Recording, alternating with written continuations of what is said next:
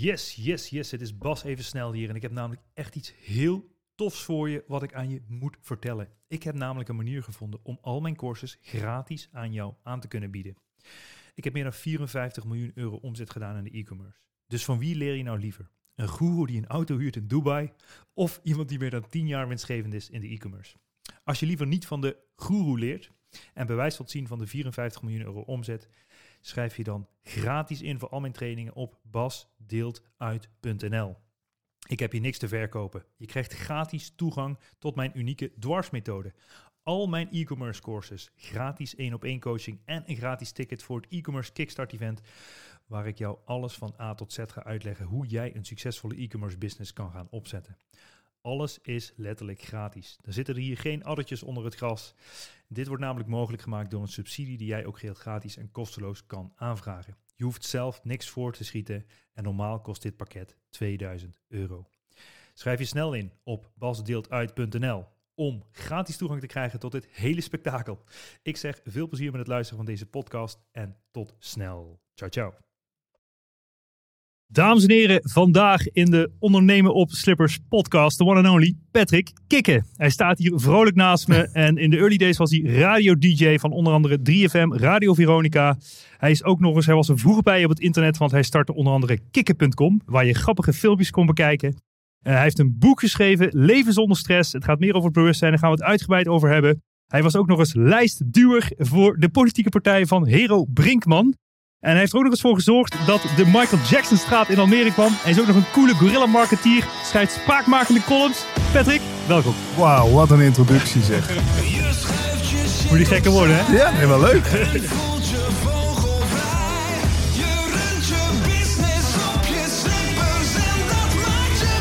Yes.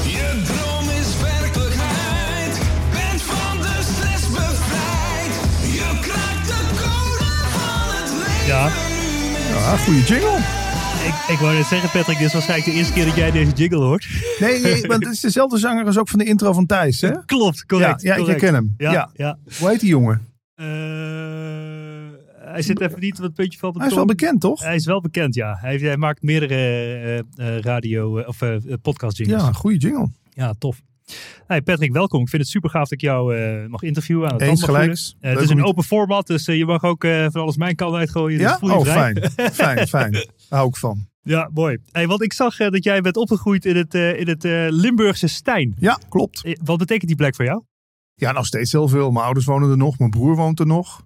Ik kom er nog gemiddeld twee keer in de maand. En ja, het- wat ik er zo leuk aan vind, het, het ligt echt bam tegen de Belgische grens aan.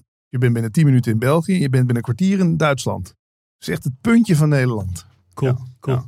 Hey, en zie jij gewoon het verschil ook tussen die Limburgse mensen en eh, mensen in de Randstad en zo? En, en, en ehm, doe jij iets met het verschil ertussen? Ja, nee, ja. Nee, weet je, ik denk dat mijn eerste burn-out zelfs te wijten was aan, eh, aan, aan het verhuizen van Limburg naar de Randstad. Want ja, het is een ander type mens. Eh, Je laat huis en haard achter. Hè? Vrienden, familie. En de fout die ik eigenlijk maakte, is allemaal collega's bij de radio. Dat werd dan mijn vrienden en familie. Maar dat zijn collega's. Dus je kan niet van je collega's hetzelfde verwachten als van je veilige tribe die je in Limburg had. Dus om niet meteen te veel de diepte in te gaan. Maar ja, ik, ik, dat verhuizen van Limburg naar de Randstad, ja, dat doet wel iets met een mens, ja. Ja, en wa- wat was je eerste verhuismove toen je vanuit Stijn, waar, waaruit ging je? wa- Nee, Hilversum. Naar Hilversum. Een zolderkamertje, want ik, ik deed toen drie programma's. Twee nachtprogramma's en een programma in het weekend. Mhm. Voor de Tros op 3FM. Mhm. En dat was toch een beetje ver op wanneer crossen hè, steeds. Ja. Limburg, Hilversum en dan midden in de nacht terugrijden. Of heen rijden midden in de nacht en dan 's ochtends vroeg in de file terugrijden. Ik was 21, dus dat ging nog wel. Maar ja, toen had ik een zolderkamertje. Dat was best gezellig. Wauw. Ja, en ik kan me nog herinneren, ik ben eh, naar Haarlem verhuisd, maar ik was altijd de Belg. Had jij er ook last van toen je, toen je naar Almere Ja, ging? qua accent. Ja, Ja, nou, het voordeel is dat ik, ik, ik deed al... Ken je de Commodore 64 nog, die thuiscomputer? Hoe oud ben jij? Eh, ik ben net 36 geworden. Oh nee, dit is voor jouw tijd. dit Nou, is wel, eh, Kijk, ik ken het wel. Commodore 64, daar deed ik al iets op. Het heette Bulletin Board Systems. En dat was de voorloper van het internet. Mhm. Maar daardoor belde ik altijd heel veel met mensen van boven de rivieren. En je hoort het nu ook. Ik heb gewoon die, dat accent van de mensen van boven de rivieren heb ik overgenomen. Mhm. Dus op het moment dat ik naar Hilversum toe ging, kon ik me naadloos aanpassen aan je hoorde het aan mij eigenlijk niet dat ik uit Limburg kwam. Alleen, in het begin durfde ik het zelfs niet te vertellen. Ik kan me nog herinneren dat ik er zelfs maar een beetje voor schaamde of zo. Ik zei maar dat ik uit Valkenswaard kwam, Brabant. Stom hè? Ja, nou ja, inderdaad. Maar schaam je nog steeds voor of ben je er nog Nee, op? nee, nee, want ik heb zelfs programma's in Limburg eh, gepresenteerd. En Tof. Nee, ik heb, maar dat is iets heel raars. Limburgers hebben soms, vind ik zelf ook, die zetten zichzelf al twee stappen terug. Hè? Mhm. Doen alsof ze, want je bent natuurlijk niet minder. Nee. Maar ja, als je dat over jezelf denkt, Ja. Dan ga je dat ook uitstralen. Ja, ja, ja, ja, ik snap het. Hey, en wat, wat ging je precies doen in Almere? Eh, wonen? Ja, precies. Alleen, Ja. eh, Maar studeren ook? Of, oh nee, nee, nee, het was echt voor de radio al. Oh, ik ben, radio? ik ben echt al heel jong op mijn 21ste bij de landelijke radio terechtgekomen. Dat is natuurlijk een, een vloek en een zegen tegelijk. Want je komt er als jonge jongen en je krijgt allerlei kansen. Maar inderdaad, je, bent eigenlijk, je, je- je brein groeit volgens mij tot je 28ste nog door. Dus je wordt wel gevormd op de een of andere manier door de media. En dat zie je ook bij veel van die jonge gasten die als jonge rapper eh, eh, succesvol worden. Bijvoorbeeld een van die jongens van Chris Cross, die is toen ook, ja, die is ook aan de drank en de drugs geraakt. Ik wil niet meteen het negatieve trekken, maar het, het, zoals alles in het leven had het een plus en een minkant. Ik snap het. Maar, eh, dus je raakte vroeg eh, in het wereldje met het grote mensenleventje, laat ik het zo Ja, zeggen. en Ja. weet je wat ook het rare was? Ik Het fenomeen platenpluggers, ken je dat ook? Die, die- nou, mensen van een platenmaatschappij die komen zeggen van... Hé hey Patrick, hier, leuk, nieuw liedje. Wil jij die, eh, die wil jij wel draaien op de radio? Oh ja. ja. Maar ik dacht echt, ja, noem me maar bleu. Die mensen vinden mij echt aardig. Dus, want die gingen ook met me op reis naar concertjes en uit eten. Maar alleen maar om die plaat op de radio gedraaid te krijgen. Ja. Maar ja, ik, dat is een deceptie. Want dan denk je, op een gegeven moment zit je niet meer bij 3FM. Of je bent bij Veronica waar je geen nieuwe muziek draait.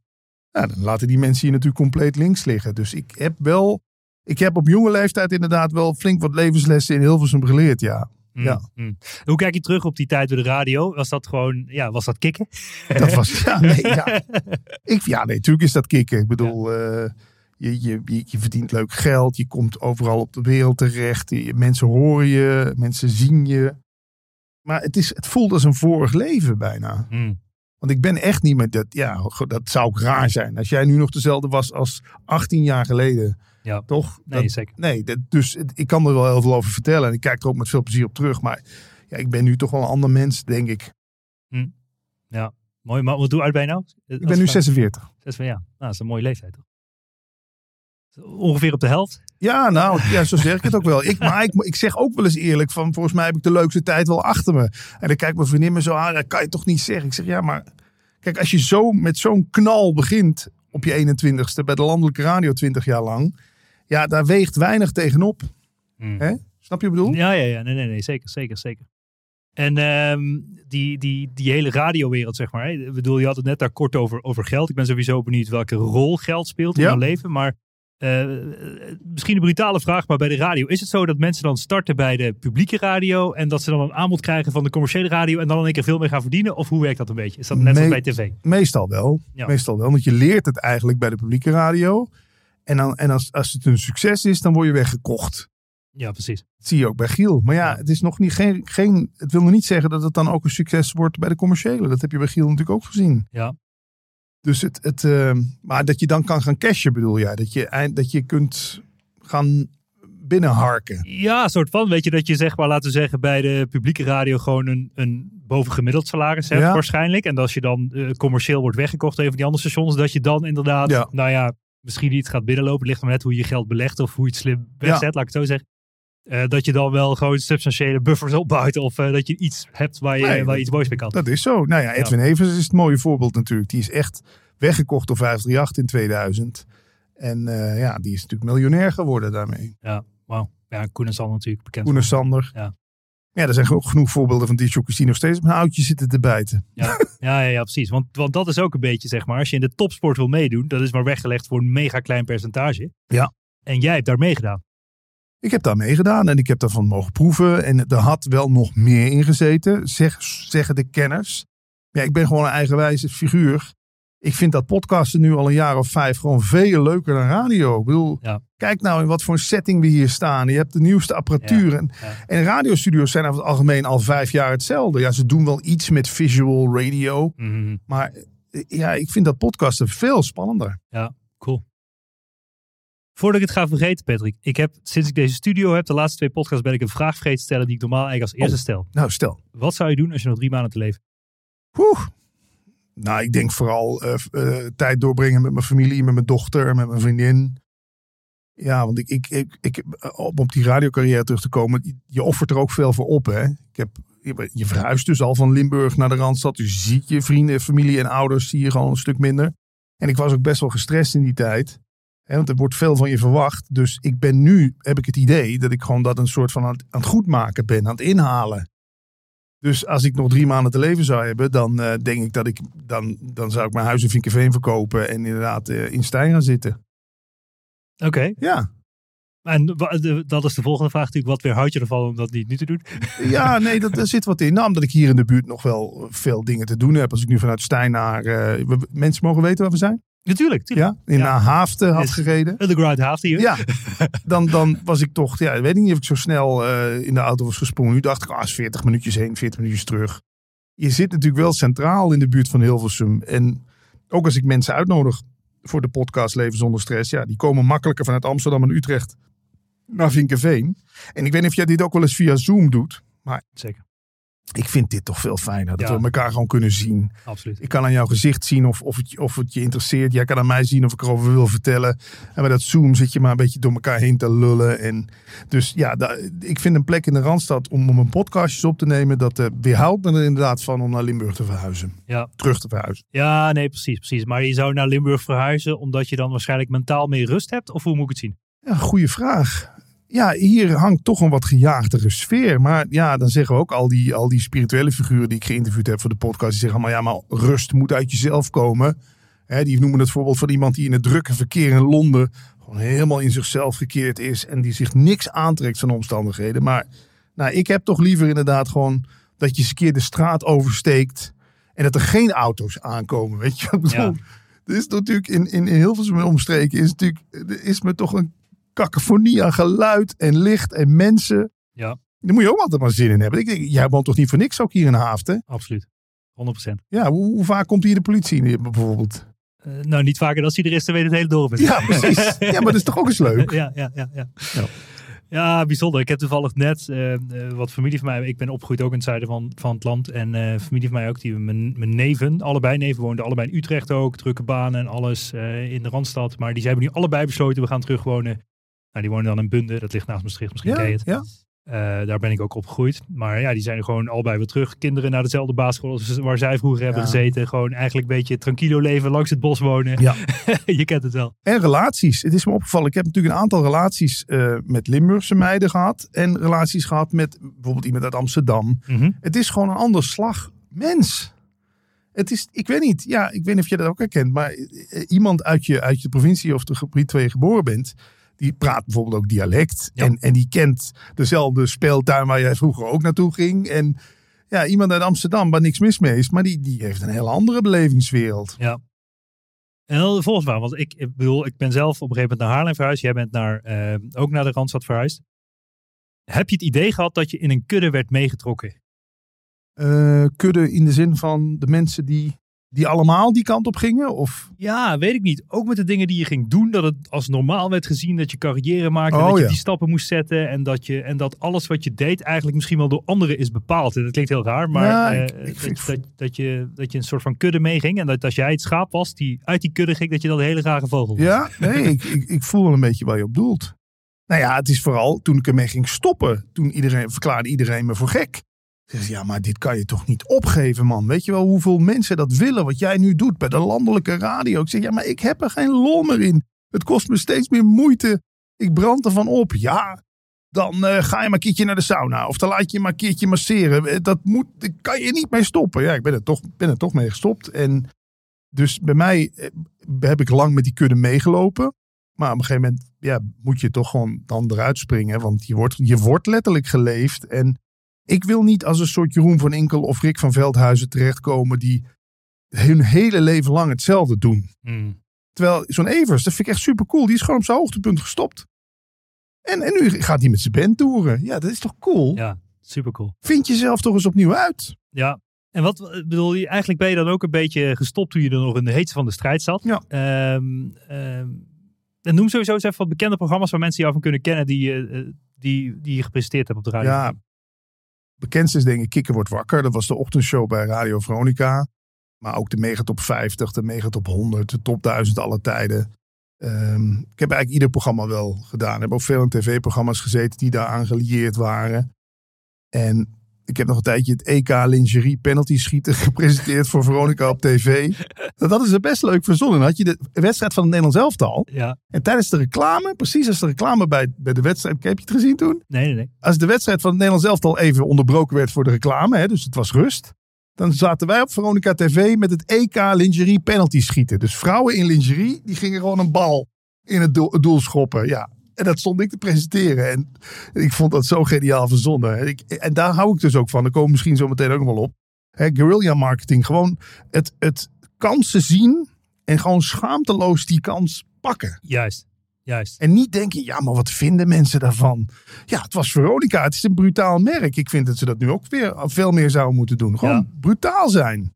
Want dat is, het, dat is er toch waar je van houdt, zeg maar. Dat er, dat er avontuur in zit. Brutaal zijn, gorilla. Ik, Ja. ik zie je met, met het woord Ja, gorilla ja. marketing. Nee. begon je helemaal te stralen. Nee, dat, eh, Dus, dus als we één stap teruggaan, dan is de grootste reden dat je dus bent gestopt, is eigenlijk gewoon, ik vond het niet meer leuk. Maakt niet uit wat, wat iemand anders ervan vindt. Ik ben mijn hart aan het volgen. Het maakt me niet uit hoeveel ik verdien of wat dan ook. Ik, ik wil gewoon lol hebben in watgene wat ik doe. dat. En het lukte ook niet meer. Het mocht ook niet meer zo van Veronica. Dat, dat wat ik net zei. Hmm. Dat, want ik, we hebben bijvoorbeeld in de goede tijd. Was, las ik ergens dat Bob Marley 25 jaar geleden overleden was. Weet je, die reggae-zanger. Ik zeg, zou wel lachen zijn als we zakjes met wiet weggeven op de 25e sterfdag van Bob Marley. Iedereen, oh, dat kunnen we niet maken. Maar we gaan het toch doen. Nou, boom. Alle kranten, RTL Boulevard, de, zelfs de Belgische Radio 1 hing aan de telefoon. Ik hou van lekker poken, lekker... Maar ja, je merkt nu in deze tijd, ook in deze podcast, als wij hier hele obscure dingen zouden zeggen, Ja. is er altijd wel weer iemand die Apple of Spotify gaat bellen. Nou, dat kan echt niet hoor. En voordat je het weet, ben je eraf. Ja. Dus het wordt ook steeds moeilijker om dat te doen. Maar goed, jij zegt ook niet alleen maar de normale dingen in je podcast, mag ik, mag ik hopen? Of, Nee, nee, nee. nee. Met name op Leven zonder stress is best wel... Ja, daar interview ik mensen. Ja. Ik, ik kan vooral in mijn columns die ik schrijf... kan ik nog wel eens eh, eh, eh, lekker eh, radicaal uit de hoek komen. En dingen eh, schrijven die van anderen denken... oh, maar kan je toch, eigenlijk- kan je toch eigenlijk helemaal niet opschrijven. Mhm. Nou, dan doe ik het juist. Mhm, mhm. Mooi. En die transitie van ik vond het niet meer leuk, ik ben gestopt en ik ga wat anders doen. Wat ben je toen gaan doen? Eh, nou, eerst eens even uitrusten. Oké, slim. Ja, nee, dat, dat moest ook wel. Hoe heb je dat aangepakt, het uitrust? Ja, hoe pak je zoiets aan? Gewoon, ehm, ja, het is al... Kijk, iedere dag... Als, als jij dit iedere dag zou moeten doen, hè, dit... Mhm. op een vast tijdstip... Mhm. En je wist, er luisteren honderdduizend mensen naar. Mhm. En iedere maand komen de luister- en de kijkcijfers. Dat werpt een druk op, hè? Want je hebt niet iedere dag die drive. Tenminste, ik op een gegeven moment niet meer die drive om iedere dag het beste ervan te maken. Ik was al lang blij dat dat van me afviel. Ja. Dat ik gewoon eens het schuurtje kon, kon schuren en schilderen. Zonder dat ik de hele tijd op de klok moest kijken. Fuck, het is alweer half drie. Ik moet naar de radio. Ik moet, ik moet, ik moet. Ja. Dat die, en dan kun je zeggen, ja, maar dat heeft iedereen met een baan, toch? Ja, maar als jij een baan doet waarbij je dus de hele tijd mensen in het pand ook met- meteen horen wat jij doet. Of jij fouten maakt, of jij dingen goed doet. Ja, dat, dat, dat werpt een druk op. Ja. Waar kijk je naar? Oh, Ja, daar af, en toe kijk ik, nee, af en toe kijk ik, je kan daar rechts ook zien als er vragen binnenkomen. Oh, leuk. Eh, maar dat is mooi, hè? Het is echt de beste studio waar ik ooit geweest ben, eh, Ja, Bas. tof. Mooi om te horen. Ja. Ja. Dat is niet slecht voor de amateur, toch? Nee, nee. Ja, leuk man. Leuk. Maar eh, ik hoor wat je zegt. Dus, dus op een gegeven moment ging het gewoon vervelen. Werd het een sleur. Ben je Ja. er klaar mee? Heb je iets meer je stoute schoenen aange- aangetrokken. En ben je meer naar je hart gaan leven? Is dat, is dat een beetje waar het Ja. neerkomt? Eh, Ik, ik had zo'n film gezien van Wayne Dyer, The Shift from Ambition to Meaning. Van ambitie naar betekenis. Ik wilde gewoon iets meer betekenisvol werk doen. En ik vind ook naar de luisteraars toe, als jij het daar een beetje maar zit af te raffelen. en na een half uur al op je horloge zit te kijken, dat voelt een luisteraar. Ik dacht ook, dat moet iemand anders gaan doen. Ik zit, ik, ik zit mezelf voor de gek te houden, mijn baas en de luisteraars. Ja. Dus ja, dan, dan weet je, ik moet iets. En, en toch vind ik het ook wel cool. Hè? Mensen die van het een op het andere moment. Heb ik altijd respect voor gehad. Die gewoon zeggen: ik kap ermee. Juist. Er komt wel wat anders Ja, weer. ja, zeker. Nou, ik zeg ook altijd, het diepste dal brengt je vaak tot de, tot de grootste, Ja, de dat is- torenhoogste eh, waar je naartoe wil, Ja. zeg maar. Omdat je dan gedwongen wordt om een keuze te maken. En vaak is het de kunst om die keuze die je dan gedwongen is voor te zijn. Ja. Zodat je zelf de keuze nog hebt. Ja. en niet meer gedwongen hoeft te maken. Precies dat. Ja. Tijn Tauber heeft daar eens iets moois van gezegd. Die zei, eh, soms bereik je de top van de ladder, maar dan blijkt hij tegen de verkeerde muur te staan. Ja, dan ben je aan die denk je, fuck, weet je, ja. En wat Ja. kan je dan? Dan kan je eigenlijk alleen nog maar eraf donderen of naar beneden hollen. Ja, ja. Ja, tof man dat je die stoute schoenen hebt aangetrokken. Maar oké, dus toen heb je even rust genomen. eh, en toen heb je eigenlijk nagedacht van, hey, wat wil ik nu echt? En eh, eh, ja, wie, wie ben ik? Weet je, Ja, dat, dat. is toch een, een eindige zoektocht naar jezelf. Wat wil ik? Ehm, waar gaat mijn hart sneller van kloppen? En, en waar ben je toen op uitgekomen? Ja, waar ben ik op uitgekomen? Eh, eh, eh, nou ja, dat is een goede vraag. Even denken. Nou, eigenlijk de dingen, ik ben gaan kijken, wat vond ik nou wel nog leuk aan het radio maken? Dat waren de telefoongesprekken met mensen. Dat waren gasten in de studio. Ik heb ook al heel bekend Nederland op vrijdagavond in een programma gehad. Ik denk, ja, kan je dat dan niet verder gaan uitbouwen? Ja, dat kan. Want je kan een podcast met interviews gaan maken. Je hebt van iedereen het nummer. Heb ik in het begin ook wel, net zoals Thijs, ook best wel veel bekende mensen geïnterviewd. Maar op een gegeven moment voelde ik toch van, ja, maar ik wil ook eens een keer een autist spreken. En iemand in een rolstoel. En gewoon, ik wil van allerlei dingen proeven. En ja, toen ben ik dat gaan doen. En uiteindelijk was, dat is het leuke als je wat reserves hebt. Die heb je huis van spaargeld kunnen kopen. Dan hoef je niet, dan hoef je niet per se meteen weer een verdienmodel eraan te hangen. Maar dat heeft ook weer de keerzijde. Ik heb ook mensen geïnterviewd die zelfs achteraf zeiden van, waar blijft de factuur eigenlijk? Echt, waar blijft de factuur? Snap je wat ik bedoel? Ja. Die, die dag gingen er al vanuit dat het, dat het, dat het dus, dat zij, ik hun ging interviewen, dat dat geld kostte. Ja, Dus dat is ook wel eens zuur. Weet je, ik weet dat er podcasts zijn die dat ook doen. Hè? Dat, jij zou zeker met deze prachtige studio hier, als, als iemand een nieuw boek uit heeft en die mailt Bas, mag ik hier jouw podcast? Ja, dan zou jij wel kunnen zeggen, ja, dat kan. Ja. Kost je duizend euro. Ja. Ja, en dat is nog aan de goedkope kant. ja, Maar de, ja, dat verdienmodel heb ik. Ik heb het één keer toegepast. Ik ga niet zeggen met wie, maar in de podcast Leven zonder stress is één iemand die ervoor betaald heeft. die er, om erin te komen. Om die, ja, die wilde graag. En Ja. die, maar die had, ook, ja, die had ook zelf een, eh, een succesvol bedrijf. Ja. En toen dacht ik ook, ja. Maar ik heb het één, dus één keer heb ik het gedaan. Mhm. Maar dus, eh, en eh, sowieso de vraag, hoe moeilijk is het om door alle ruis podcasts die er dagelijks bij komen, Op te vallen. op te vallen? Weet je, kijk, ik bedoel, ehm, eh, toen ik mijn podcast gelanceerd heb, heb ik wel wat geluid gemaakt. Stond ik wel binnen nooit aan Ja, nummer stond op 1 één. in de categorie zakelijk. Ja. Daar was ik heel erg trots op. Alleen ik zie wel hoe moeilijk het is ook om die, om die pace Ja. vast te houden door de BNR's en alle bekendheid heen Ja. ehm, die zo'n groot eh, bereik hebben. Hoe pak jij dat aan? Of is het gewoon, ik gooi het eruit, wie het luistert, prima. Nee. En, en, en eh, ik ben even naar. Ik heb twee tips voor je, Bas. Top. Wat je nu doet is al goed. Dus gewoon iemand die zelf al actief is op podcastgebied in jouw podcast. Wat we eigenlijk zouden moeten doen, is dat jij over een paar weken of over een maand nog een keer bij mij langskomt. En dat jij ook in mijn podcast te gast bent. Want dan krijg je dit. Dan krijg je kruisbestuiving. Want dan gaan mensen jou bij mij horen. Dan zeg je, dit is een sympathieke dude. Die, die podcast ga ik eens checken. Want wij denken, dat heb ik ooit eens geleerd bij de radio. Mensen reageren op mensen, niet op merken. En ik ben wel eens benieuwd hoe jij daar tegenover staat. Want jij bent iemand van de merken. Mensen reageren op de eerste plaats op... Heb ik een klik met deze mens? Zeker. Dus dan horen ze jou. Ik, heb, ik vanaf het moment dat ik hier binnenkom, denk ik, hey, sympathieke gast. En dan, dan is ook ineens van alles mogelijk. Hè? Dan Ja. eh, maakt het ook niet uit of je wel of geen melk voor in de koffie hebt. Of weet ik wat. Of het ik bedoel, eh, maar dat heb ik dus geleerd. Dus dat is tip 1. Nodig mensen uit in je podcast, maar spreek een soort kruisbestuiving af. Dus jij ook bij hun in de podcast. Maar ik heb je namens ingetypt. Je bent volgens mij al bij Aardig Goed Podcast zelf ook de gast geweest. Zeker, zeker. Dus dat doe je goed. Ja, Dan, dan, dan wordt aan jouw naam ook, net als bij Coca-Cola. Als je aan cola denkt, denk je aan Coca-Cola. Je zou eigenlijk dat plekje in het hoofd moeten veroveren bij mensen van als je aan podcast denkt, dat je onder andere Ja. aan jou denkt. Ja. Daarom noem ik mezelf ook altijd gekscherend de podcastkoning. Dat is niet om, om, om, ja, dat is een beetje een geuzennaam. Maar als je dat plekje kan veroveren in mensen hun hoofd. Ja. Dat is natuurlijk hetzelfde als je bij tassen denkt aan een bepaald merk tas, een Gucci-tas. Ja, nou dat. zeker. En wat was mijn tweede tip? Nou ja, pas op met wat je doet. Want je, eh, Apple heeft een of ander gek systeem.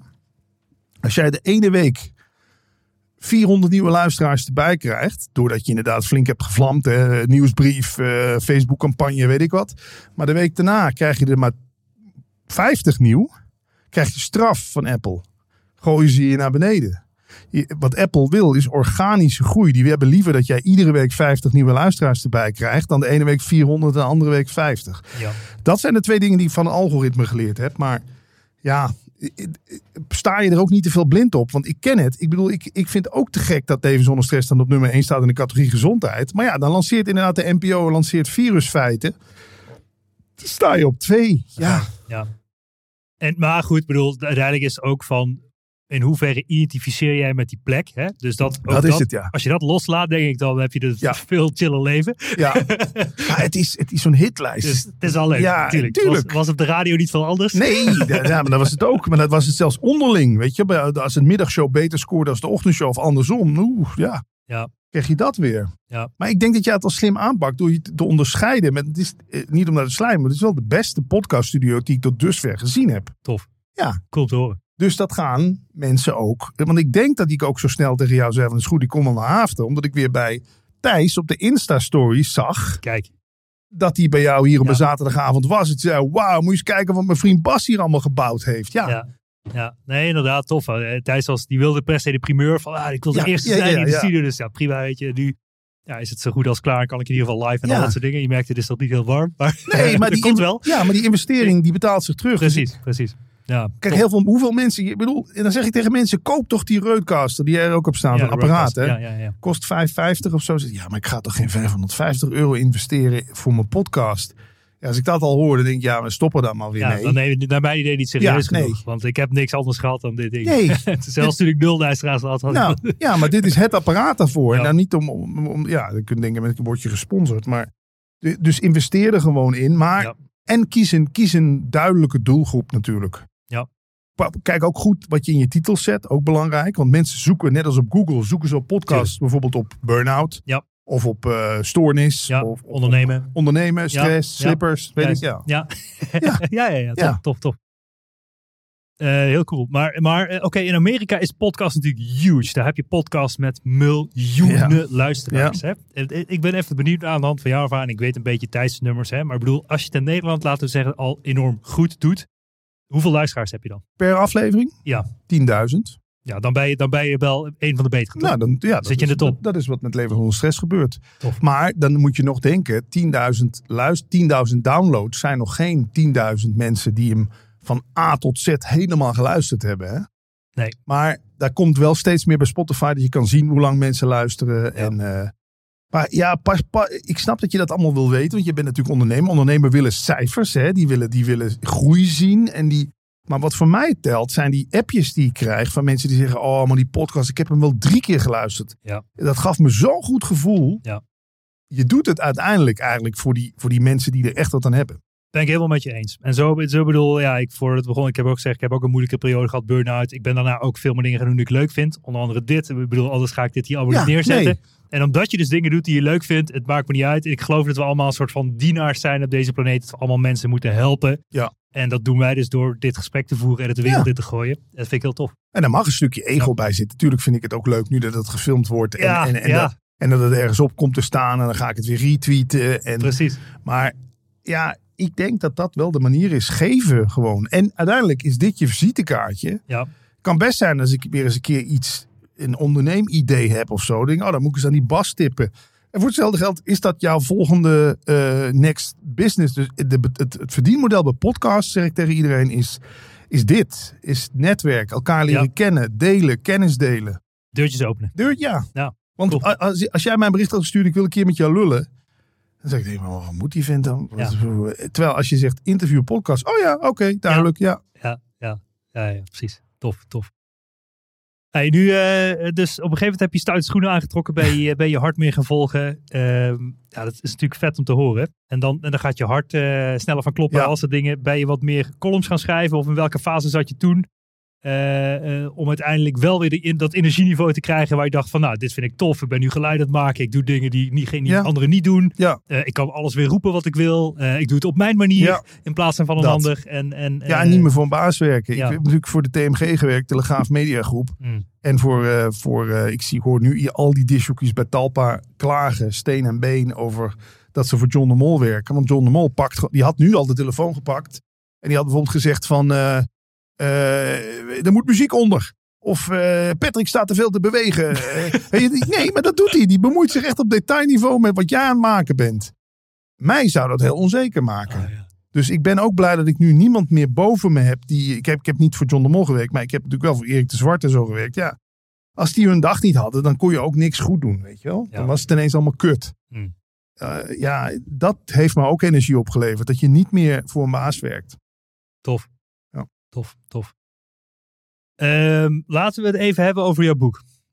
We hadden het Leven zonder stress. Hij staat hier eh, op de, op de videowall. Eh, Leven zonder stress is jouw boek. Ik ben sowieso benieuwd naar je beweegredenen waarom je dat hebt gedaan. En we hadden het net over ego. Ja. Ik denk dat een heel groot dingetje. Leven zonder stress is het ego loslaten. Maar eh, waarom heb je het boek geschreven, Patrick? Ja, goede vraag. Eigenlijk als visitekaartje voor de podcast. Ik dacht van nou, daar ligt het overal in de winkels. En dan zien mensen het logo. En ik zou, ga ik eens opzoeken die podcast. Nou, uiteindelijk heeft het boek het ook eh, goed gedaan. Het is nu een jaartje uit. En ja, ik hoor wel van mensen ja, dat ze er toch wat aan hebben. Vooral als je in een burn-out zit.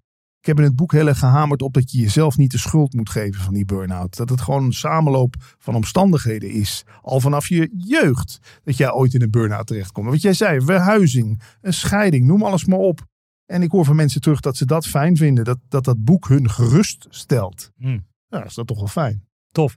En heb je zelf dan veel ervaring met dat je heel stressvol leven hebt gehad, Absoluut. daarna minder stress en dat je dacht van hé, hey, ik heb iets te delen aan de wereld waar andere mensen iets mee kunnen en dat dat er ook een beweegreden is geweest om de titel Leven zonder stress te noemen. Ja, nee, ja, zo heette de podcast al. En nee, tuurlijk is stress voor mij ook al mijn hele leven een thema. Ik kom uit een gezin waar vooral veel angst was. Weet je wel? Eh, Ik weet niet of je dat kent. In Limburg is toch, tenminste dat, eh, bij ons in het dorp, een soort van elkaar in de gaten houden. En eh, doe, maar, doe maar niet gek. Zorg dat je voortuintje in orde is. En oh wee, wat vindt hij van mij? En hoe kijkt hij naar mij? Dus ik kom uit een gezin waar toch best wel veel spanning hing. En daar word je dan gevoelig voor. En ik was degene die daar altijd het meeste last van had. Dus ja, ik ben ook als eerste op zoek gegaan naar hoe kan je van stress afkomen. Hmm. Dat is natuurlijk de grote vraag. En moet je er vanaf? Ja. En, en ehm, ik neem aan dat de inhoud van het boek ook gaat over dus ervan afkomen, wat je net Ja. zegt. En heb je voor jezelf die code gekraakt? Of struggle je er nog Oh, steeds mee? goeie. Of is het gewoon, ik bedoel, de keuken, hoe, noem je die, hoe is die uitspraak nou? Ja. de keuken van, eh, je kent hem. Ik weet wat je bedoelt, ja. Nee, kijk, stress zal altijd een thema blijven in mijn leven. Want ik, weet niet of jij dat herkent, maar na een burn-out... Ja, je hebt hem op vrij jonge leeftijd gehad, of niet? Hoe oud was je? Ja, een paar jaar geleden. Oké, dus de Ja. begin 30. Ja, bij mij was het alweer begin, eh, begin 40. Eh, toen echt de genadeklap kwam. En bij mij is toch het idee bij een burn-out is je elastiek heel lang uitgerekt geweest. Er komt daarna niet meer in dezelfde vorm terug als daarvoor. Tenminste bij mij niet. Ik wil niet zeggen dat voor iedereen zo is, maar daardoor blijf je toch gevoeliger voor stress.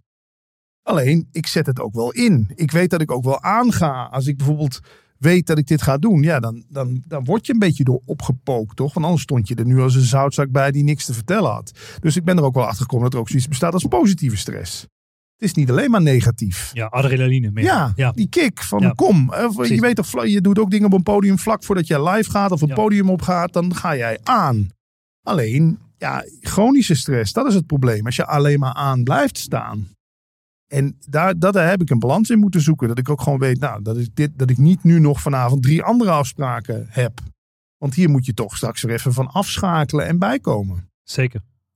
Dus Ja. ja, En zit er een bepaalde formule in het boek dan? Of heb je iets, eh, of is het meer eh, storytelling wat je deelt uit je leven, je ervaring? Ja, En- eerst en- vertel en- ik mijn eigen verhaal. Ja. En dan staan er een aantal korte interviews in met, met mensen die, eh, eh, dus jongeren, ouderen, die ook ervaring met burn-out en stress hebben. En ja, we eindigen met een soort nawoord waarin ik nogmaals jezelf, jou een beetje probeer gerust te stellen. En wat jij net zegt, het ego komt natuurlijk heel erg aan bod. Hè? Mm. Dat apparaatje in ons wat eh, ons probeert te helpen door te zeggen van ja, maar pas nou op of zorg nou dat je de eerste bent die over de finish komt.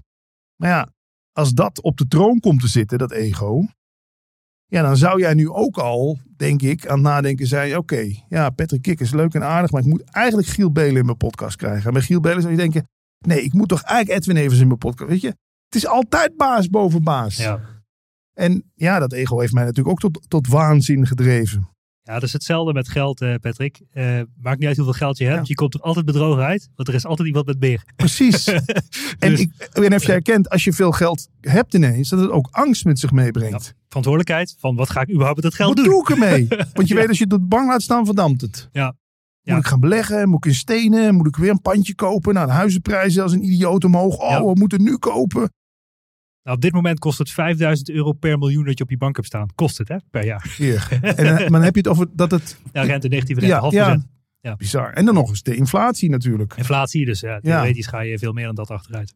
Maar hoe is geld? Daar ben ik als. Ik mocht ook inbreken richting Ja, jou. Maar ja, wat, hoe is geld dan? Wat is, dat- wat is dat voor jou dan? Nou, ik ben er heel anders naar gaan kijken. Weet je, het stomme is als je jong bent. En, en mijn ouders die zijn ook, waren ook allebei geen ondernemers. Hè? Dus mijn vader was politieagent, mijn moeder werkte voor een gemeente. En denk ook van ja, uiteindelijk dacht ik ook van hoe ga je nou je tijd wel zelf indelen. Dus ik ben vrij snel gaan ondernemen en de startschoenen aangetrokken. En ja, dat is ook, ja, was gewoon een hele coole periode. Maar in het begin van je onderneming maakt het je eigenlijk niet zoveel uit hoe je geld verdient als je maar geld verdient. Dus Ja. je gaat gewoon van alles en nog wat doen. en Die flapt het allemaal Ja. eruit en je gaat geld verdienen. Op een Ja. gegeven moment nou, ging dat aardig, weet je, ging dat goed. Dacht ik ook van, ja, weet je, voor mij was reizen eigenlijk mijn ultieme doel. Ik wilde een vrij leven hebben van mijn business. Toen mijn business stabiel genoeg stond, ben ik twee jaar lang rond de wereld gaan reizen. Samen met mijn huidige vrouw is het. En inmiddels drie kinderen. Maar goed, twee jaar lang rond de wereld gereisd, kwamen terug. Toen dacht ik, ga nu serieus zitten voor de business. Maar daar ging het eigenlijk fout. Want ik ging serieus zitten voor de business. Ik schaalde op van drie naar 30 man. Van 350.000 euro naar 7 miljoen omzet. Snelst groeiende crossborder e-commerce bedrijf van Nederland. Klinkt als een droom voor iedereen, Ja. maar was het totaal niet. Ik stond daar op het podium. Ik had toen echt, ik zat midden in mijn burn-out eigenlijk. Ik nam die prijs in ontvangst. Ik dacht, is dit nou alles? En toen ben ik heel anders daarna gaan leven. Eh, veel meer mijn hart gaan volgen. Dingen gaan doen die ik leuk vind. Ehm, en is het geld sowieso veel secundair geworden. Klinkt ook gek, weet je. Ik bedoel, ik heb drie kinderen. Ik woon in een prachtig huis. Ik kan reizen. Ik ben vrij. Ik kan alles doen wat ik wil. Eigenlijk voor mij, wat ik gedefinieerd heb als het hoogst haalbare, is als je niet meer na hoeft te denken over geld en een vrij leven kan leiden. Dat zijn de twee factoren die voor mij het hoogst haalbare zijn. En alles daarboven is totale onzin. Ja. Totale onzin. Ja. Nulletjes bij het plussen op je rekening maakt allemaal Nee. geen F uit. Eh, Maar jij en ik kunnen dat zeggen, omdat we het wel eerst ervaren hebben. Ja, correct. En dat, en dat merk ik wel. Ik, hoe, ik heb het ook geprobeerd. Hè, tegen mensen zeggen, ja nee, maar je zit in een huurhuis. Prima. Ik zeg eens tegen iemand, als ik een huurhuis in Vinkenveen had gehad, dan was ik er nu al weg geweest. Maar het feit dat die prijzen van die huizen maar blijven stijgen, blijf ik maar in Vinkenveen wonen. Dus, snap je wat ik bedoel? Ik alles heeft een lelijke en een mooie kant. En dan kijk maar naar iemand die een huis huurt, die zegt tegen mij, ja, je hebt lekker makkelijk lullen. Ik wil gewoon een koophuis. Prima. Als jij denkt dat koophuis jou gelukkig gaat maken, doe het. Mhm. En als je nadenkt dat je nog vier panden moet kopen, doe het. Mhm. Maar we- je zal er toch zelf achter moeten komen. Hè? Dat is Mhm. tenminste dat is mijn ervaring. Ik weet niet hoe jij dat absoluut, ziet. Absoluut. We, we, we- en wij hebben het geluk dat we dat, dat we dat kunnen zeggen. Maar het is hetzelfde met podcasts. Want daar sta je daar op één weken lang bij zakelijke en persoonlijke financiën. Dan wordt de volgende stap natuurlijk, ja, dan wil ik wel ook bij iTunes algemeen in de top 10 Ja, terechtkomen. ja, ja. Maar dan gaan jij en ik het opnemen tegen de NPO. Weet je wel, waar ze tien redacteurs op een podcast hebben zitten. Ja, Ja. Maar het is, ik zeg, het is zeker mogelijk, daar gaat het niet om. Alleen je moet, als je je ermee gaat identificeren en je wil dat per se halen, wordt het stressvol. ja. En ik denk dat het daar fout gaat. Dus, dus ook om minder stress te hebben, heb ik dat gewoon veel meer ja een losgelaten. spelletje. Flap alles gewoon de lucht in. Ja. eh, eh, en, en dan wordt het leuk. Maar je doet het wel goed. Nogmaals, in de zin van je hebt een logo. Ik bedoel, hoeveel podcasts hebben nou eigen plopkappen? ja, ik geloof Thijs heeft ze ook. Maar Ja. ik, ja. Nou, heeft hij ook pas nadat ik Ja, ja, ja, ja, ja, slim. Ja, Ja, maar zo'n videowall en een eigen Ja, ruimte waar ja. je ze opneemt. Ja, slachtoffer. Dat is next level. En ik denk dat je daar ook al trots op mag zijn. Dat het, Ja. en, ja, en wat is succes? Daar gaat het in het boek natuurlijk ook over. Ja. De definitie van succes. Is voor iedereen anders. Ik heb zelfs een psychiater eh, horen zeggen: er is niets ergers dan succes. Want dan heb je het. En dan kom je erachter en denk je: fuck, dit is het ook niet. Wat Mm. ik zoek. Mm. Ik zoek iets anders. Mm. Ik zoek een soort innerlijke vrede. Ik zoek Ja. een soort content zijn. Ja. En ik dacht dat met succes te bereiken. Nou ja, laten we dat over succes hebben. Wat ik bedoel sowieso, de definitie van succes voor iedereen anders. Naar mijn idee, en ik ben er ook naar met vallen en opstaan achtergekomen, is succes eigenlijk een vorm van spirituele verlichting, letterlijk. Hè? Ja. Dus dat betekent eigenlijk in de spirituele leer dat je op een gegeven moment helemaal niks meer hebt, letterlijk niks. En dat je dan pas uiteindelijk het ultieme gevoel van geluk of succes kan ervaren. Ja. En, eh, is dat iets wat je met mij deelt? Of, Nee, ja. eh, Net nog in de auto, ik zat nog een cd'tje te luisteren. Of eh, ik, ik luister zelf podcasts van een cursus in wonderen. Heb je daar wel eens van gehoord? cursus in wonderen. Ja, cursus in wonderen. Zo'n dik Ja. blauw boek, kom je Ja. niet doorheen. Ga het niet lezen, het lukt je niet. Oké. Maar er zijn podcasts van en dan hoor ik wel eens iets moois. Ik hoor net iemand in de auto die podcast zeggen. Je denkt dat het erom gaat om speciaal te worden of speciaal te zijn. Maar dat maakt je juist ongelukkig. Het gewoon doodnormaal zijn. Dat is waar het geluk te vinden is. Toen dacht ik, oh hij heeft gelijk ook. Want hoe lang ben ik niet? En, en nog denk je steeds, ja het is best wel speciaal. Want Bas heeft mij gevraagd voor de podcast. En Bas maakt zijn tijd vrij. En jij denkt van, oh Patrick, komt naar mij toe. Maar uiteindelijk, als je dan gewoon weer ziet van we zijn ook net zo'n doodnormale pipo's als Jan. En de schilder die daar bezig is, net zo belangrijk als degene die hier die podcast staat doen. Ja, ik voel dan meteen een soort geluks. Ik weet niet of je dat kent, maar dat, dat- dus dat is hetzelfde met inderdaad succes. Bij succes hangt dan toch aan, oh, ik ben nu speciaal, want ik heb succes. Maar ja, ik, succes kan je dus ook ongelukkig maken. Want het, het, het houdt ook nooit op. Dat zie, ik, dat zie ik bij Thijs ook wel een beetje. Dan heeft hij de grootste gast van allemaal. Maar ja, wat is het toppunt? Koning Willem-Alexander. Hoger kom Ja. je niet, denk ik. Ja. Ja, inderdaad. We hebben over Thijs Lindhout natuurlijk van 100% Ja. Inspiratie Podcast. Nee, dat zag ik ook wel. Ik had ook een gesprek met Thijs. Ik zei, hij zei ook op een gegeven moment, Bas, ik vind er helemaal geen ruk meer aan al die mensen interviewen, weet je. Dus ik- Ja. Het kan allemaal gestolen worden. Eh, hoe ga ik hier geld mee verdienen, weet je. Had Ja. allemaal over verdienmodellen, dat soort dingen. Dan ga je daarvoor nadenken. En dan... eh, Nou, Thijs, als je luistert, gewoon geld vragen voor. En dan maar wat mindere namen. ja, nou, hij heeft al aardige stappen gezet. Dus hij heeft nu al mooie dealtjes lopen. In Ja? ieder geval een Oh, podcasts. Gelukkig, hij is goed gelukkig. bezig, ja. Dus het is natuurlijk wel een heel topic, hè. Dus podcasting, hoe ga je het monetizen? Ja. Ja, weet je, ik Ja, hoe ga jij dat doen? Nou ja, we- ik, ga, ik heb er ook nog niet heel erg over nagedacht hoe ik het monetize. Ik denk eerst ga eerst maar eens bereik creëren. Dat Ja. mensen het leuk vinden en dat je geluid maakt. En daarna kun je altijd nadenken. eh dat is hetzelfde als eh, als je een blog start. Ga eerst maar eens eh, 5000 artikelen kloppen. Ja. Heb je traffic en dan ga je daar wel eens nadenken hoe je het kan monetize. Dus en ik hoef het ook niet per se te hebben. Weet je, ik, eh, ik heb het geld niet. Ja, dat klinkt raar, maar ik heb het niet per se nodig of zo. Ja, dat ken ik. Eh, dus Maar ervaar je dat nooit als handicap? Want dat zit ik soms wel eens te denken. Ik had met die podcast Leven zonder stress. Er zijn wel mensen tegen mij. Je moet net als, eh, hoe heet dat daar? eh 365 dagen succesvol. Ja. Je moet een scheurkalender gaan maken. ja. En je moet een website waar mensen allemaal producten kunnen bestellen. Ik zeg, ja, maar rustig aan, man. Weet je, als ik, ik, krijg, ik voel het al helemaal zo. oh. ja. Toch denk ik van als je het nodig zou hebben, het geld. Tenminste, ik dan in dit geval. Dat ik, Ja. dat ik inderdaad wil zeggen, ja, er moet ook een scheurkalender komen. Ja.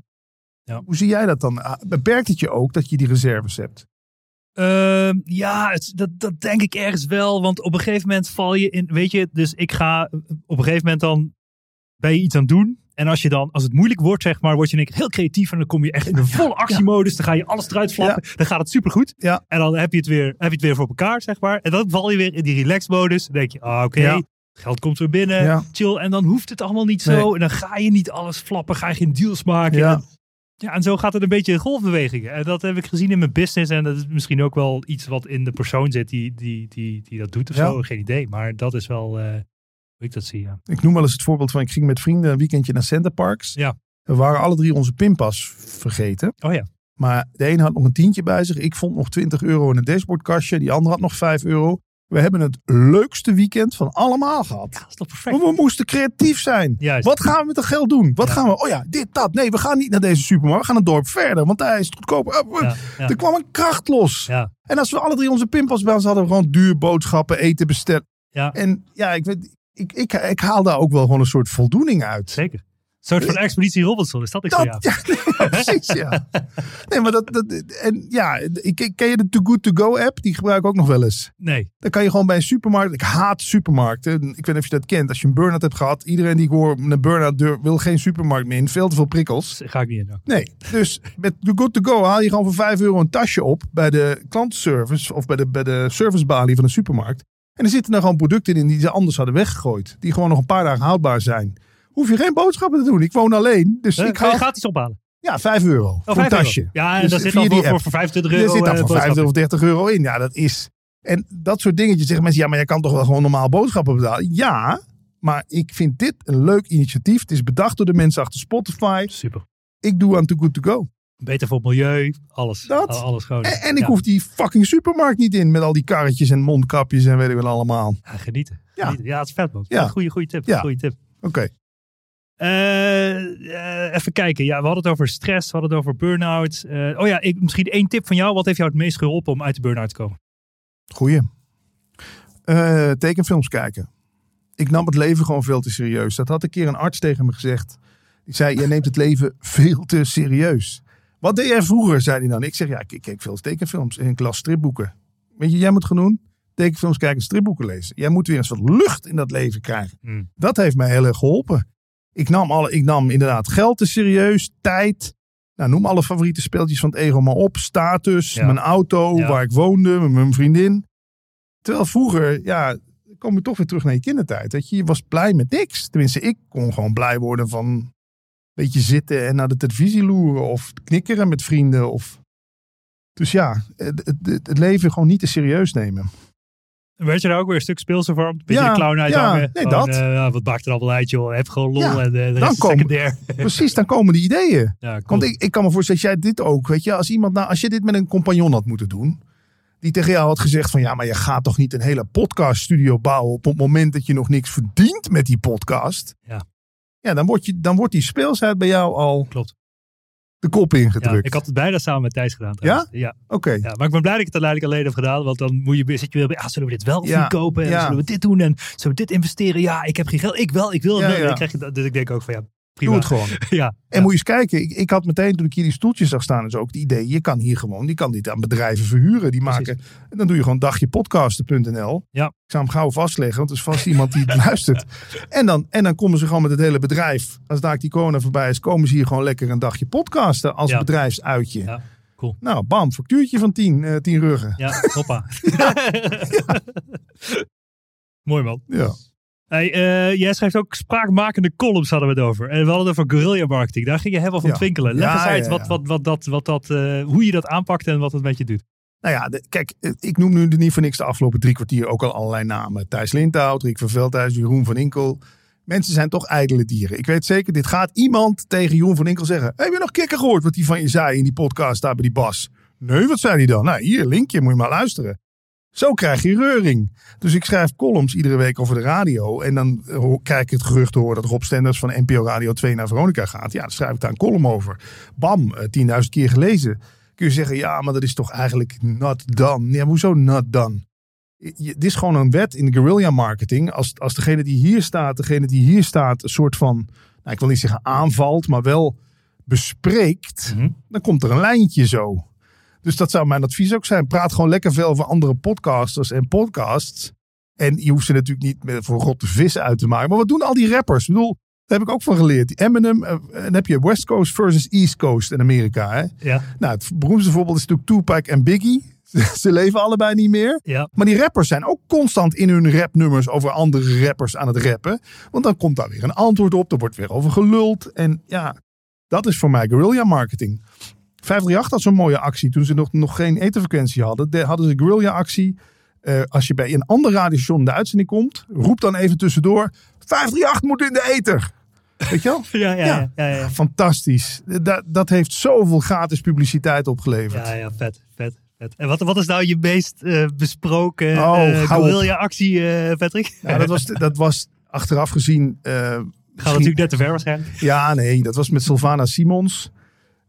Zonder namen te noemen, hè? Nou ja, nee, maar Nee, kijk, Sylvana Simons was heel boos over een filmpje wat op internet stond, waar, waar- waarin iets heel ergs gebeurde. Ik, ik, ik hou het even, even dus gewoon, eh laat maar zeggen, ik ga het niet helemaal bespreken, maar toen heb ik op Twitter gezet, dat dacht ik ook op dat moment, wat nou als Sylvana Simons dat filmpje zelf op internet heeft gezet, zodat ze weer iets heeft om over te klagen. Mhm. Nou, dat had ik dus blijkbaar niet mogen zeggen. En iedereen, en zelfs bij Pauw kwam die tweet in beeld. En iedereen, maar ja, daardoor belde wel Hero Brinkman van de ondernemerspartij. Die denkt, dat is interessant. Dat is een gast die durft voor zijn mening uit te komen. Wil jij soms bij onze ondernemerspartij de lijstduwer worden?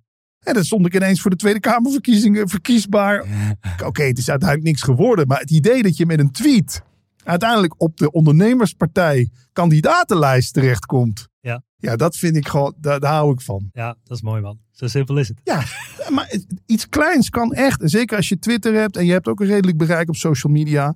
Roep gewoon eens iets. Wees niet bang om stelling te nemen. Dat, dat zou mijn advies zijn. Ja, ja, ja, dat is hoe pers natuurlijk werkt. Ja. Dus gewoon door allemaal dingen te roepen. En dan, eh, ja, vaak moet het dan een beetje nieuwswaarde hebben. En dan Ja. gaat het eh, de lucht in, zeg maar. Ze hebben niks aan iemand die zegt, nou het zou misschien zo kunnen zijn. Nee, ik zeg gewoon, het is zo. En vooral als iedereen A zegt, zeg ik vaak B. En dat is niet, dan zeggen ze, ja, maar dan wordt het een trucje. Maar ik vind ook vaak B, waar iedereen A zegt. Mhm. Ja, dat moet ook een beetje in je karakter zitten Ja. En dat doe je ook in je podcast? Praat over bewustzijn, doen we dat wel. Ja, de podcast samen met Paul Smit. Mhm. Maar ik moet je wel zeggen, ik ben er wel voorzichtiger mee geworden. Want het is, we leven natuurlijk wel nu in een tijd. Ik, ik zei laatst iets over een vrouw. Oh, ik zat bij de Chinees, kan ik wel even kort vertellen. Ja. Ik zit bij de Chinees in de wachtkamer. In Stijn, in Limburg. Ja, ja, ja. Ik wil gaan bestellen. Die vrouw is voor geen meter te verstaan. Ik zeg, op een gegeven moment, ik was, iedereen was gestrest. Zeg, mevrouw, ik versta u niet. Kunt u niet beter Nederlands leren? Nou, dat had ik, dat had ik dus niet mogen zeggen. Iedereen in de wachtkamer boos. Dus ik zit daar te wachten. Ik, zeg, ik denk, zet het gewoon op Twitter. Ik zeg, ja, wat gebeurt mij nou? Ik zit hier bij de Chinees en ik vraag alleen aan die vrouw of ze misschien wat beter Nederlands had kunnen leren. Nou, echt. Wat ik over me heen kreeg. Ja, en dit en ras. Je bent meteen een racist, hè? Ja, ja, ja. Terwijl, ja, ik, ik, ik, ik, ja, ik weet niet, jij bent tien jaar jonger. Dus maar ik- voor mij is het eigenlijk, als iemand ook geen fatsoenlijk Engels praat, zou je ook tegen iemand kunnen zeggen: Kun jij niet het fatsoenlijk Engels leren? Want ik versta je niet. Mhm. Ik had daar totaal geen racistische motieven mee. Maar ja, dat Ja. ja. Ja, ik hoor het wel, ja. Ja, ja, je hoort hem. Nou, ik had, ik het is wel een mooi verhaal. Ik, ben, ik was op vakantie geweest en ik had, we hebben dan een caravan, een daktent op de, op de auto. En de caravan erachter met drie kinderen. En we hebben echt gewoon helemaal tot in Zuid-Portugal gereden. Uiteindelijk hebben we 6.500 kilometer afgelegd in een maand tijd. Dat Wauw. was echt fantastisch. Dat was afgelopen zomer. Maar de auto had het begeven op de terugweg in de buurt van Porto. Dus we kwamen op de vluchtstrook met de caravan en de kinderen. Dus het was één groot spektakel. Ehm, en er kwam dus zeg maar uiteindelijk ANWB gebeld en is het allemaal afgesleten en teruggevlogen. Allemaal dat soort dingen. Maar toen had ik op LinkedIn gezet dat we dus in no time de caravan in moesten om een nood... eh, ja, je, je hebt ge- geen spullen, hè? Want Ja? je, je gaat je caravan uit en je moet weg en de rest wordt weg. Dus ik heb, en toen heb ik op, op LinkedIn gezet dat ik een paar Turkse tassen had gevuld met spullen. Ik dacht, Turkse tassen? Ja. Of Turkse tas. Dat is een Ja. soort van type tas, hè? Heb jij Ja. een beeld erbij? Als ik Ja, over- nee, kan ik me niet zo ja, voorstellen. en op LinkedIn werd ik als racist uitgemaakt van... Ja, dan kun je toch niet zeggen dat je een Turkse, Turkse tas, tas. hebt gevuld? Ik denk van, ja, what the fuck, dit is gewoon een Nee. modeltas. Zeg maar. maar dat soort dingen, dat gaat gewoon te Ja, ver. Zeg maar. het slaat echt op. Ik had iemand geïnterviewd, die vrouw noemde zichzelf de spirituele allochtoon. Dus ik noem, ja, die noemde zichzelf zo, hè? Marokkaanse vrouw, de spirituele allochtoon. Dus ik zet dat in de titel. Ik denk, hè? Had, had, Apple had de sterretjes neergezet. het woord allochtoon. Oeh. Ja, Wij, wij, wij zijn, wij zijn gek aan het worden. En je mag wel iemand zeggen, dat is een Belg. Of dat is een Belgisch friet, Vlaamse friet. Ja. Maar een Turkse tas mag dat niet. Ja. Ja, we slaan door, man. Ook een hele zwarte piet, wat al eens tien jaar een discussie is. En Facebook zelf, hè, met advertenties. Hè. Iedereen wordt aan de lopende band geband. Er zijn net de verkiezingen geweest in Amerika. Algoritme eroverheen. De helft van de wereld kan gewoon niet meer adverteren op Facebook. Omdat de verkiezingen in Amerika. Ja, serieus. Het schreef ook als ze zelf ook de titel Ja? van. En dan eh, na die verkiezingen van, oh sorry, we hebben je account geblokkeerd. Ja, je mag wel adverteren. Ja? Je, ja allemaal dat soort Wat dingen. voor woord had je dan gebruikt? Iets, Ja, kies mij Bij- of zo? Nee, Of, maar bij Facebook gaat het heel ver. Dan mag het niet over, je mag niet het woord geld verdienen. Of zelfs als ik zeg van ik ben in een korte tijd gegroeid van 3 naar 7 miljoen, zeg maar. Terwijl het echt daadwerkelijk Ja, zo is, weet je. dat dan- mag niet. Dat, dat soort dingen mag allemaal Want dat niet. dan, En- kan dan als fake nieuws gezien worden. Ja, of gewoon als onrealistisch resultaat. Oh, of allemaal dat soort dingen, zeg maar. Dus ja, het gaat heel ver. Dus het, eigenlijk, eigenlijk wordt het steeds minder leuk. Dus ik zeg altijd van ja, als je wil ondernemen, dan moet je gewoon naar Azië verhuizen. En dan kun je alles. Maar ja, Ja. ik bedoel, dat is weer een ander spelletje. Ja, dat is natuurlijk Maar, ook wel een beetje- Ja, tof. Ja, heftig. Oké man, maar ehm, wat nu? Ik, ik vraag me, hoe verdien je nu geld? Of verdien je helemaal geen geld? Of doe je, Jawel, doe je wat jawel. je Ja. Nee, ja, ik, heb, ik, heb, ik heb twee huizen nu. Dus ja, dat is toch... Ik zou als je geld wil verdienen. Ik weet niet of jij nog een pandje op zoek bent of iets. Maar Ja, zeker. Ja. ja, dat is toch de manier. Ik bedoel, want dat is het lekker in Nederland. Je kan gewoon... eh, het is onbelast, huuropbrengsten. Ja, ja, ik ken het. Ja. Ja, je kent het fenomeen. Dus ja, ik heb gewoon de- de twee huizen. En dat verdient eh, aardig wat. En ik heb ik, voor die columns verdien, daar verdien ik wat geld mee. Ik heb een sponsor voor Leven zonder Stress. Oké. Ik, ik hoef zijn naam niet te noemen, want dat wil hij niet. Maar Ja. er was dus een of andere miljonair die, die mijn podcast hoorde. En die zei, ik vind het zo belangrijk dat dit geluid ook te horen is in de Oh, wauw. Nederlandse media. Zeg maar wat je nodig hebt en dan sponsor ik het jou. Dus, maar ja, ik ben, ik, voor mij is waardeuitwisseling dit. Weet je, Ja. De- ik, ik, ik, kwam, ik ga daar toch net iets anders weg dan dat ik hier binnenkwam. Ja. Jij hebt toch dingen gezegd die mij op de een of andere manier ergens een richting in gaan sturen. Ja. En dat zal misschien andersom ook zo zijn. Dat is voor de luisteraars en kijkers ook zo. Dat is ook waarde. Ja. Dus eh, eh, ik zeg steeds, ik, ik verdien in geld misschien nog maar een fractie van wat ik, wat ik tien jaar geleden verdiende. Ja. Maar er komt zoveel waarde mijn kant op. Ja, dat is, dat is, onbeta dat is toch onbetaalbaar. Ja, wauw, mooi. Wat het voor de, pasca- eh, voor- voor de podcast die ik het woord ook al vallen. Ik denk dat het belangrijk is om dat nog een keer te doen. En dus het woord tevreden. Ja, absoluut. En, en het bijzondere van het kleine ook gewoon inzien. Weet je, we kijken zo over de bijzonderheid van dagelijks bestaan. Dat di- de- de- als je dit twintig jaar geleden tegen mij had verteld, dat dit had gekund. Om gewoon op een tijdstip, wanneer je zelf wil, gewoon boem, iets te starten wat dan het internet opgaat. In full HD, 4K kwaliteit. Daar had ik je voor gek verklaard. Zeg, nee, zover gaat het nooit komen. Nou, en we zijn er. Ja, tof. Dus, dus ja, we zien de bijzonderheid van het leven zien we eigenlijk te vaak gewoon eh, over het hoofd. Dus inderdaad, dankbaarheid is een heel krachtig medicijn. Ja. Ik weet ook dat ze in de Secret zeggen, maak een hele dankbaarheidslijst voordat je gaat slapen. Nou, dat is me twee keer gelukt.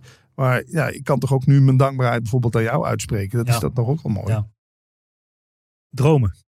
Wat is jouw grootste droom? Heb je nog een droom? ben je tevreden? Heb je zoiets van, ik leef nu mijn leven op een tranquilo manier, ik vind het prima? Of denk je nog, ik wil iets bereiken? Of ben je niet per se een, een, een, een check, ja, noem je dat, een eh, bucketlist hè, type? Hmm. Of, of ik, ik ben gewoon benieuwd. Ja, nee, daar ben ben ik zelf ook. Ja, ik ben zelf ook benieuwd. Omdat ik namelijk niet zeker weet wat. Ik weet dat dat heel veel mensen zeggen. Ja, maar je moet toch een stip op de horizon zetten. Daar wil ik naartoe. Nee, het is vooral nog meer rust, denk ik gewoon. Want dat steekt toch de kop op af en toe weer. Dat, dat, dat stressvolle gedoe. En denken dat het geluk in de wereld te, te halen valt. Dus ik hoop dat dat nog meer landt bij mij. Gewoon het, het, het besef. En ik weet dat mensen zeggen, maar dan word je toch heel eh, passief van. Dan ga je toch alleen nog maar op de bank liggen. Nee. Ik denk een, een liefdevolle mens worden nog. Hmm. Dat zou, ja, en dat klinkt misschien heel cheesy, maar zou dat niet het grootst haalbare doel in het leven zijn? Dat je de, dat je de meest liefdevolle versie van jezelf kunt worden? Wauw, mooie woorden, Patrick. Ja, Dus eigenlijk zeg jij, je wilt meer in het moment zijn en leven. ja. Toch? Ja, en nog minder ego. Want Ja. ego steekt natuurlijk. Ja. Ego is als een. Heb wel eens iemand horen zeggen? Ego is als een muis die je aan de voordeur eruit zet. En hij piept via de achterdeur weer naar binnen. Ja. Weet je wel? Ja. En de mensen die het hardst roepen dat ze geen ego meer hebben. Ja, dat Mm. weet jij ook. Hmm. ja, ja, zeker. Dat is ook weer ego. Ja, absoluut. Dus ik, ik wil ook zeggen dat je per se. Kijk, als je het ego maar gewoon als een soort speeltje kan zien. wat je af en toe eens kan inzetten. Ja. Maar niet dat je er geen last meer van hebt. Want ik zie, ik zie in mijn eigen familie. Ik zie bij mezelf. Ik zie bij mensen ook die podcast maken. dat ego ze wel in de weg zit. Want ego is inderdaad denken: verdomme. Hij staat nu op één. En ik sta op vijf. Ja. Ben je het ook met me eens? Dat is Ja, ego. Ja, ja, zeker, zeker. Maar ja, de grootste oorlogen en misverstanden bestaan door ego's. Ja. Dus alleen maar, alleen maar door ego's. Dus dat hele ego, ja, die afgescheidenheid, dat is gewoon het grootste probleem. ja, ja, ja. ja Maar man. daar zal niet iedereen met me eens zijn. Nee, waarschijnlijk niet. Maar het, het stomme is, het ligt er ook aan in welke fase je in je leven bent. Weet je, nogmaals, toen ik zo, weet je, dan begin je eind 20, begin 20, Ja. dan zegt dan, dan, dan, toen snapte ik het Ja. zelf ook niet. Nee. En, en het is ook, je moet het gewoon Ja, ervaren, meemaken, dat op is je ook. bek gaan en, en gewoon doorgaan en kijken wat er gebeurt en, en, dan, en dan wijzer worden. Dus dat Ja. is- ja, daarom vind ik dat het mooie, wat, Ja, ja, met alle respect natuurlijk, oudere mensen te interviewen. Dat die vaak meer nee, nee, nee, ja, maar dat is, ik heb het ego heb ik als het voorbeeld genoemd eh, of gehoord. Het zijn de stijgers naast je huis, het ego, weet je wel. Mhm. Maar als het huis op een gegeven moment af is, Mhm. hè, jij bent volwassen gegroeid en je hebt je zaakjes op orde, je hebt kinderen, je hebt, dan kunnen die stijgers weg. Dat Mhm. huis dat staat stevig. Mhm, Waarom dan nog tot je vijftigste, zestigste dat die stijgers? Het is eigenlijk bijna alsof je gewoon bang bent om op je eigen Ja. fundering te staan. Ja, ja, ja. Ik heb vorige week mijn buurman begraven. Dat is natuurlijk een beetje een triest verhaal. Weet je, hij is overleden aan corona. Hij, hij was Echt? iets minder, maar hij is, eh, lag op de IC op een gegeven moment in slaap, geïntubeerd en is overleden. Hoe oud is die geworden? Eh, begin 70 als hij. Hmm. Ja, dus niet, niet bijzonder. Nou ja. Maar waarom ik het zeg? Ik meer omdat ik jou de vraag wil stellen. Want stel, jij ligt nu er zo bij dat je nog eh, dus even hebt. Wat schrijf jij op dat je denkt van fuck, dit had ik echt moeten doen in mijn leven? Of schrijf je niks op? Dit is Eh. volgens mij ook in, in, ik weet niet of het boek Stephen Covey dus even, Ja. eh, eh, eigenschap van effectief leiderschap. Volgens mij is dit een van de eerste oefeningen uit dat boek. Van je ligt op je sterfbed Wat? en je gaat bedenken of je schrijft een brief naar de mensen wat je nog graag had willen vertellen of had willen doen. Ik ben wel benieuwd wat dat voor Ja. jou zou zijn. Koop niet te veel spullen. Ja, dat zou ontspullen. ons. Ja, want ik ben een tijdje zelfs koopverslaafd geweest. Dus niet kook, maar koopverslaafd. Oh man, ik heb nu nog een garagebox waar ik 100 euro in de maand voor betaal. Die vol ligt met. Nee, dat is. Ik, Maar oké, Patrick, als ik die garagebox in de Ja. fik zet, dan mis je dat niet morgen. Nee, mis ik niet. Nee, mis ik echt niet. wat Ik dit? weet het. Dus het is gewoon waanzin. Ja, maar het is. Dat is toch gewoon waar je mee gaat identificeren. Dat je Ja. denkt, oh, dan, dan zal het geluk wel in spullen zitten. Maar da- daarom ben ik ook een tijdje heel erg anticapitalistisch geweest. Mm, Ik, ik, want je gaat natuurlijk allereerst niet jezelf de schuld geven, maar de maatschappij. Hè? mm, Het ligt aan het kapitalisme. Want jullie vertellen me dat als ik die nieuwe iPhone koop, dat ik dan gelukkig word. En ik, ik geloofde dat. Ja, maar ja, daar moest ik dus ook achter komen dat het geluk ook niet in spullen zit. Ja. Maar ja, maar dat zou ik dan. Ja, maar dat geloven mensen. Kijk, ik denk, ik denk alle adviezen geef je natuurlijk eigenlijk aan jezelf. Hè. Ja. Dat- Kijk, dan zou ik met terugwerkende kracht tegen mezelf willen zeggen: neem een manager en koop, koop eh, niet te veel spullen. En dat zou ik tegen iedereen willen zeggen die een beetje zoals ik is, die ook overal ja op zegt al zijn hele leven.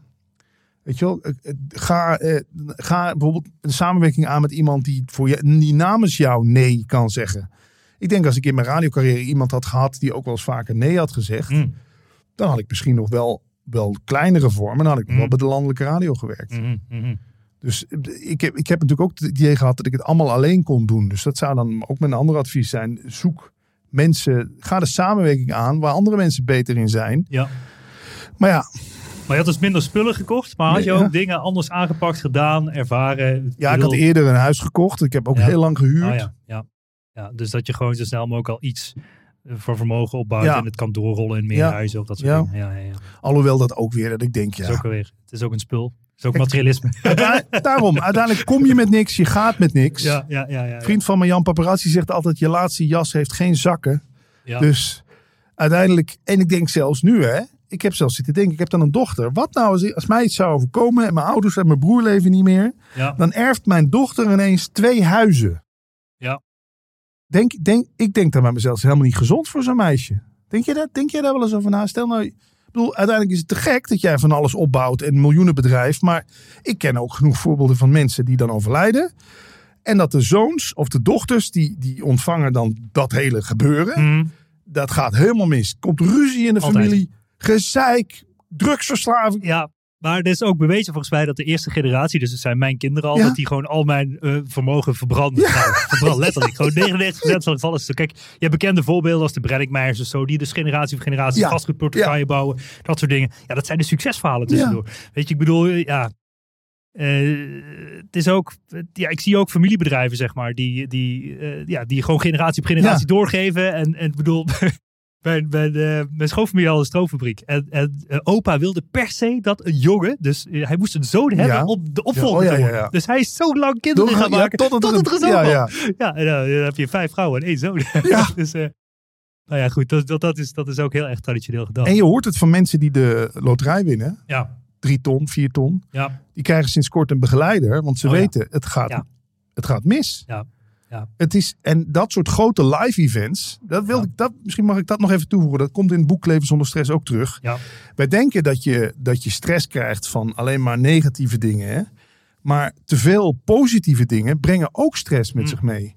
Ik zat op een gegeven moment op maandag Robbie Williams te interviewen. Op dinsdag eh, zat ik in een tv-programma. Op woensdag stond ik voor 20.000 man in Amsterdam te draaien. ja, Dat zijn drie dingen in één week die iemand anders misschien in zijn hele leven meemaakt. ja, Jij maakt ze mee in één week. Ja. Kun je zeggen, ja, dat is toch te gek. Ja, maar wat denk je wat dat met je systeem doet? ja, Dus hetzelfde als jij ineens, je hebt een miljoen op je rekening staan. En de dag daarna vlieg je weer naar Dubai. Weet ik, dat doet iets met een systeem. Ja. Met je lijf. En Ja, dat ja. is ook stressvol. Dan kan je ook van in een burn-out raken. Zeker, zeker.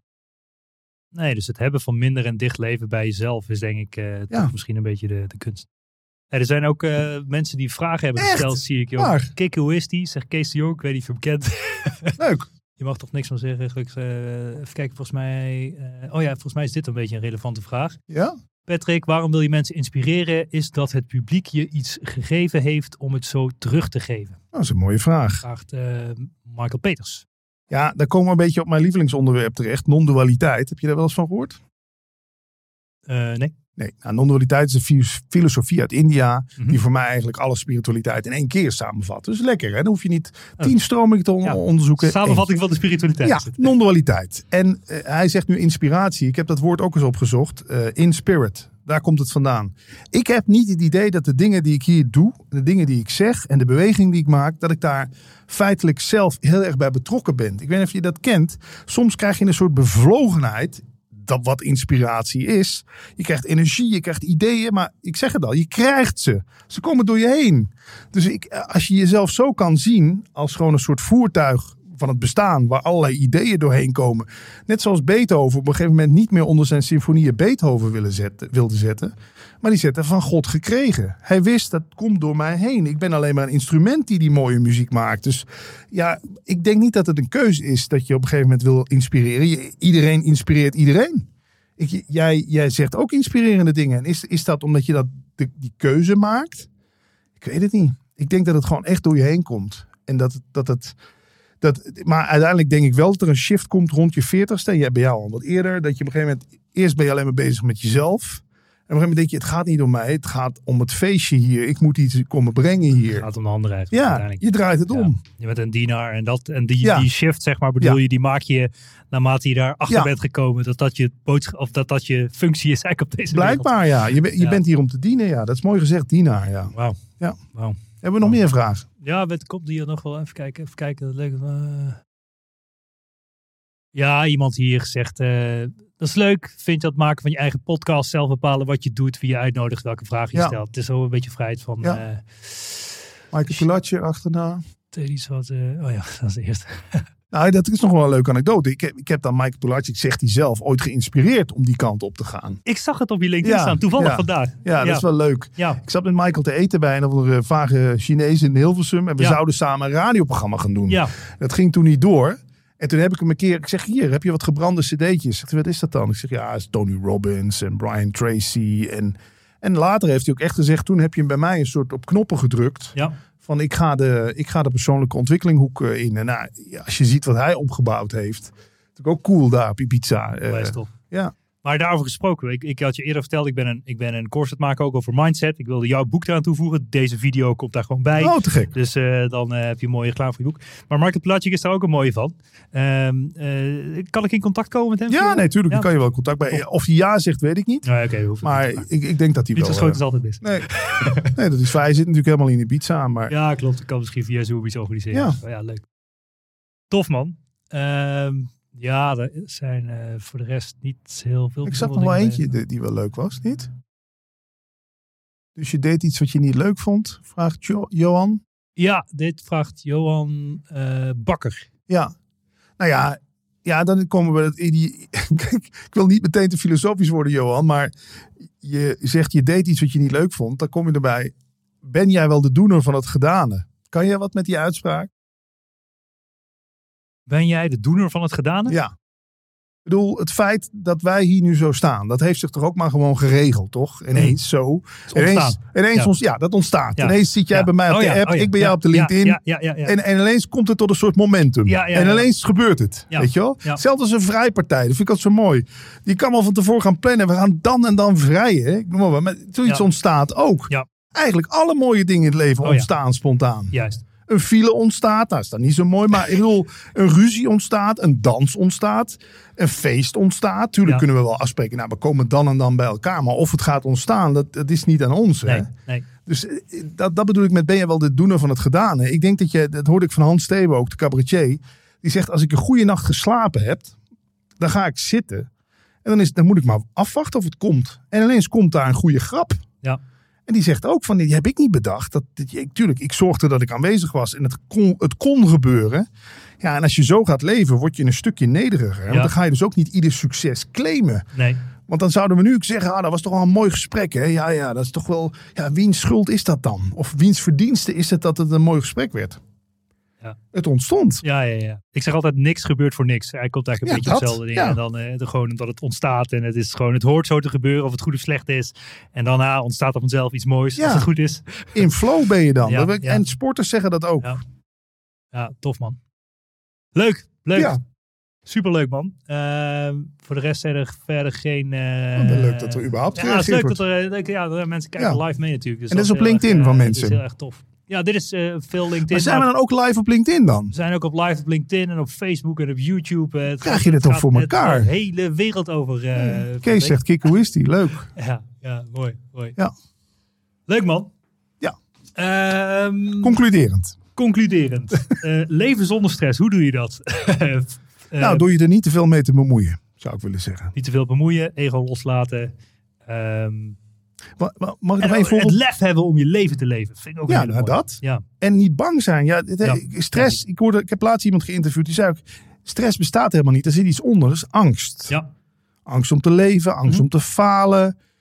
Allerlei angst. Stress is een soort dekmantel Ja. voor de angst die eronder zit. Ja. Dus als jij ziet dat het gewoon gebeurt. En achteraf komt er een verhaaltje of het goed of slecht was. Ja. Ja, dat, en ik, ik zou nog het voorbeeld willen noemen. Er is ooit zo'n filosoof geweest, jaren terug, Lao Tse. Die zei, laat troebel water met rust. Eh, eh, en het, nee, eh, hoe zei hij dat nou? Ja, laat troebel water met rust. En het zal vanzelf helder worden. Wat doen wij? We hebben troebel water. Hmm. We gaan er rammelen, spul erin. blijf schudden. Ja, schudden. Nog weer erbij. Nog meer erbij. Bende. Terwijl was er nou vanaf gebleven? Ja. We, we moeten gewoon vertrouwen op het bestaan, denk ik. Ja. ik bedoel, eh, dat is natuurlijk de grootste les. Dat je, Ja. dat je ook al gebeurt er iets wat in eerste instantie kut lijkt. We weten het Mhm. allemaal. Je krijgt een lekker band. Mhm. En je hebt daarna een superleuk gesprek met de man van de AWB die je komt helpen. Ja. Nou, was, was het dan in eerste instantie was het erg? En op een ander moment denk je, ja, was eigenlijk wel heel erg leuk. Ja. En zo, zo weet je het er ook vaak. Ja, zeker. zeker. Ik zeg ook, eh, stilte geeft antwoorden. Hè? Dus, eh, Ook ik- mooi. Ik, geloof daarin. Dus een beetje vergelijkbaar. Omdat je gewoon jezelf met rust laat en gewoon eens gaat voelen en zijn. En paar weken ga ik toevallig eh, in een soort van retraite voor een dagje of vier, vijf. Cool. Heb je het wel eens gedaan of niet? Nee, ben ik, ben- ben ik er scheiterig voor? Ja, het is best wel eng, hè? Ja, Gewoon, probeer maar eens een uur lang stil Ach, te zitten. op. Het is echt verschrikkelijk. Maar goed, eh, ja, ik denk dat je het gewoon moet ervaren en doen en gaan. En, Ja.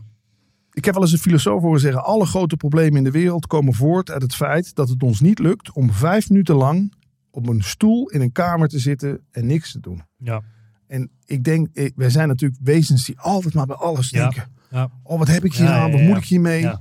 Doe minder dus. Ja. ja, of zie in dat je niet te doener bent. En Ja. dan valt vanzelf al heel veel doen weg. Ja, ja, ja. ja, ja.